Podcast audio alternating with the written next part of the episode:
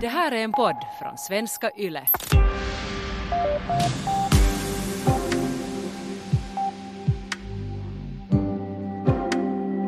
I måndags inleddes rättegången mot Kristdemokraternas riksdagsledamot och förra ordförande Päivi Räsänen och Missionsstiftets biskop Johanna Pohjola där de åtalas för hets mot folkgrupp för att de sagt och spridit saker som är kränkande mot homosexuella. Idag i nyhetspodden ska vi titta närmare på det här rättsfallet ur en juridisk synvinkel. Jag heter Simon Karlsson och med mig har jag Martin Scheinin, professor i internationell rätt och mänskliga rättigheter vid European University Institute i Florens. Välkommen Martin. Tackar. Uh, Den här rättegången har flera ingredienser och åklagarna säger att fokus ska ligga på att Räsänen har kränkt homosexuellas människovärde medan försvaret tycker att det är en fråga om yttrande och religionsfrihet. Martin, hur vanligt är det att sådana här rättegångar äger rum överhuvudtaget? Minst vad, vad gäller rättsfall som gäller politiker har de blivit vanligare. Särskilt gäller det åtal som baserar sig på strafflagens bestämmelse om hets mot folkgrupp. I mitt tycke är det rätt naturligt att politiker ofta blir före, föremål för misstänke om straffbara yttranden för att de söker bred publicitet, söker stöd bland särskilda segment av befolkningen och kanske blandar sig in i så kallad identitetspolitik. Både talaren och den avsedda mottagaren vet vad som menas fast det inte görs explicit. Och det här beskrivs ju ofta som hundvisslingspolitik. De avsedda uh, anhängare hör budskapet, uh, emedan en utomstående tycker att det, de ord som användes var helt neutrala. Så, så är, det, är det för att Päivi Räsänen är en profilerad politiker som hon nu är i rätten? För det är ju många andra också som har kränkt homosexuella de senaste 20 åren. Jag säger tvärtom att när det är fråga om en politiker är det, är det helt rätt att de blandar sig in i identitetspolitik, till och med hundvisslingspolitik och använder symboliska yttranden som, som bör, läsa, bör förstås i sin kontext och inte bara ordalaget huruvida man citerar Bibeln eller, eller en, en annan existerande okontroversiell text, utan fråga är vad var avsikten bakom eh, att man citerade? Räsänens och Johanna Pohjolas försvar tycker också att det är viktigt att komma ihåg att samhället var annorlunda för snart 20 år sedan då hon skrev en sån här pamflett som har varit ganska central i den här rättegången där hon bland annat spekulerar i om homosexualitet är en slags genetisk sjukdom. Går det att bygga ett försvar på att samhället var annorlunda då texten skrevs? No, om man hänvisar till, till tidpunkten då en text publicerades så är det klart att om någonting publicerats 15-20 år sedan utgör det inte ett brott idag i sig själv. Men den här bestämmelsen i strafflagen, kapitel 11, paragraf 10 och om hets mot folkgrupp, den explicit eh, också gör det straffbart för att nu för allmänheten tillhandahålla dylik information. Och, och, och, nu blir det fråga om att om, om man till exempel har en text på sin egen webbsida så upprepar man det där yttrandet varenda dag. Och då blir det straffbart huruvida ursprungliga texten skulle ha publicerats mycket tidigare. Åklagarna fick kritik eh, både av Räsänen och Pohjolas försvar och till och med av rättens ordförande för att de hade sagt att det här fallet skulle då inte handla om bibeltolkningar och det var liksom inte kristendomen som var under, under lupp. Men sen tyckte ändå då försvaret att de fokuserar ganska mycket på Räsänens tolkning av Bibeln och, då, och de fick också kritik för att det uppfattades av vissa som att de egentligen ifrågasatt Räsänen och då den här biskopen Johanna Pohjolas tro får en, en, en domstol till synes ifrågasätta någons tro på det här viset? En domstol får inte ifrågasätta någons tro, men äh, frågan kanske baserar sig på en missförståelse. I mitt tycke är det väldigt viktigt, en viktig del av äh, rättegången att klargöra vad som var motiveringen eller avsikten bakom Räsänens ut, yttranden. Ville hon hetsa sina åhörare, att hota, förtala eller smeda andra människor på grundval av deras sexuella läggning? Eller var det faktiskt fråga om att uttrycka och i offentligheten försvara hennes egen religiös tro utan någon avsikt att hota eller hetsa andra? Hets mot folkgrupp är straffbart enbart som, en, som ett uppsåtligt brott, det vill säga kräver en avsiktlig gärning. Uh, och det här kommer i mitt tycke inte klart fram i ordalaget av strafflagens bestämmelser som använder passiv form. Hänvisar till yttranden där en folkgrupp, nu citerar jag, hotas, förtalas eller smedas i passiv. Och det här ordalaget kan leda till en uppfattning att domstolen enbart skulle bedöma innehållet i Räsänens uttalanden. För mig är det klart att yttrandefrihetsskyddet kräver att även bestämmelsens rubrik hets mot folkgrupp tas på allvar. Åklagaren bör bevisa inte enbart att ordalaget i Räsänens yttranden kunde anses vara smedande utan också att eh, det var fråga om hetsning genom hennes avsiktlig gärning. Och, och I mitt tycke den här diskussionen borde fokusera på detta. In, inte är det fråga om att ifrågasätta hennes tro, utan man försöker utreda vad var hennes avsikt. Den här rättegången på måndag, rättegångsdagen på måndag förvandlades direkt från början till något som jag skulle vilja kalla för en mediecirkus.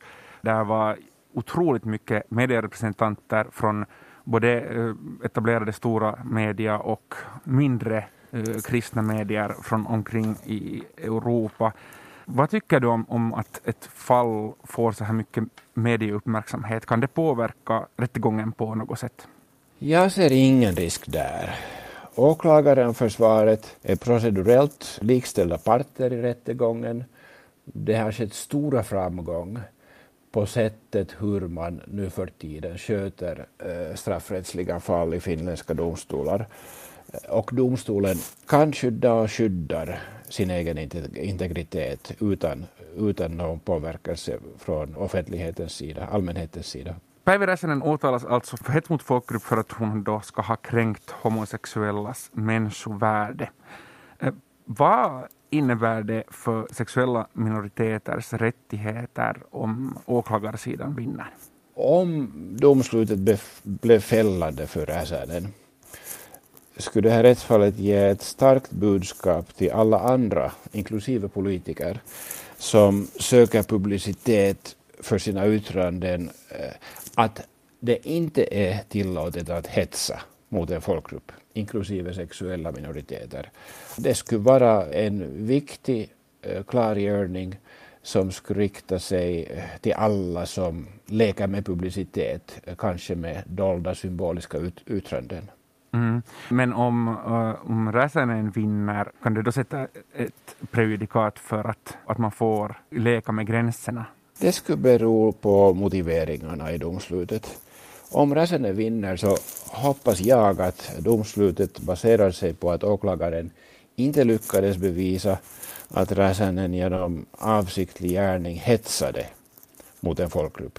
Samtidigt kunde eh, domstolen göra det klart att detta inte innebär att det är jaktsäsong för mhm. sexuella minoriteter utan att någon annan kunde faktiskt bli dömd för exakt samma uttryck om en avsikt att hetsa mot en folkgrupp kunde bevisas. Just det, så att om, om, även om Räsänen vinner det här fallet så beror det på hur åklagaren eh, fraserar det för att det inte ska bli... Precis, ja, ja. Precis att, att, att där kommer jag tillbaka till den frågan om, om hennes religiös tro.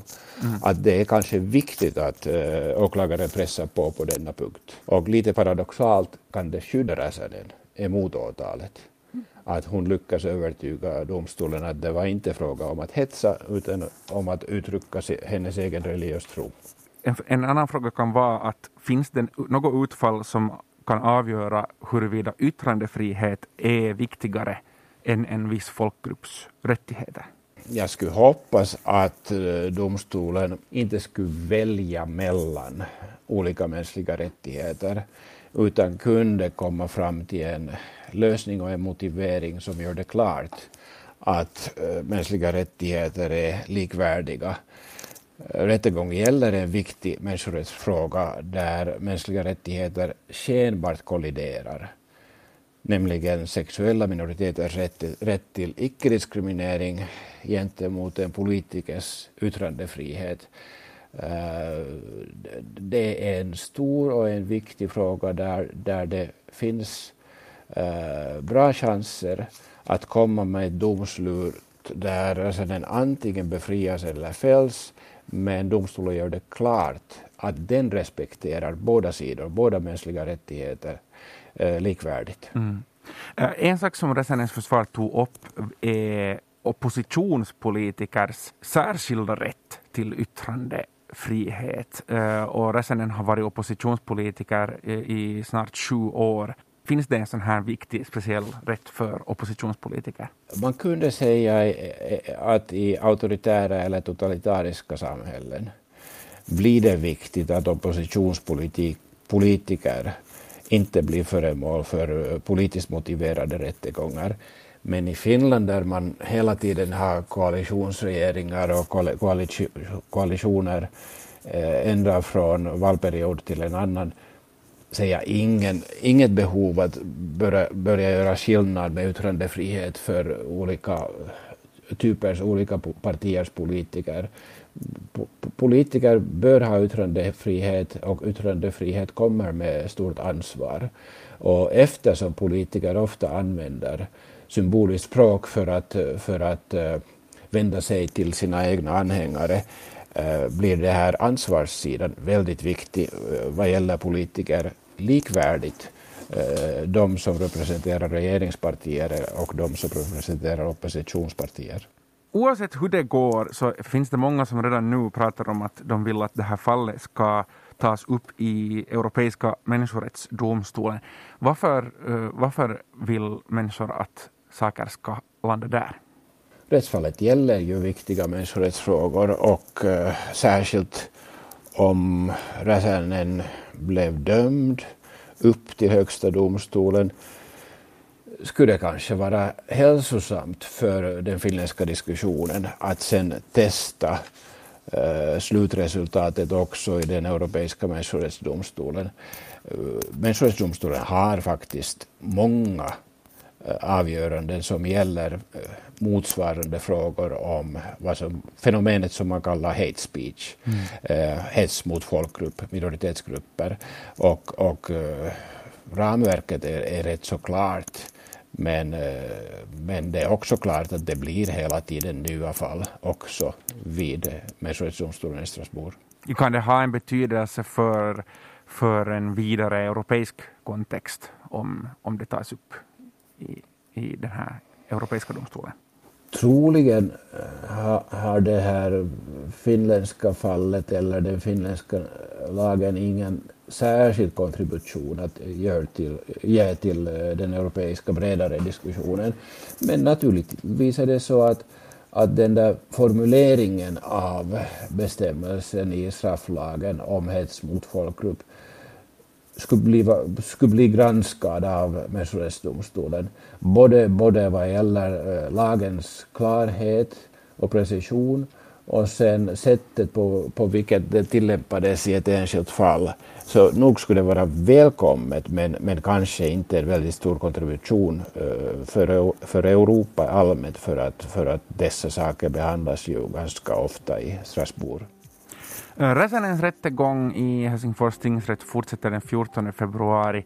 Här säger jag tack till Martin Scheinin för att du var med i Nyhetspodden. Tack ska ni ha.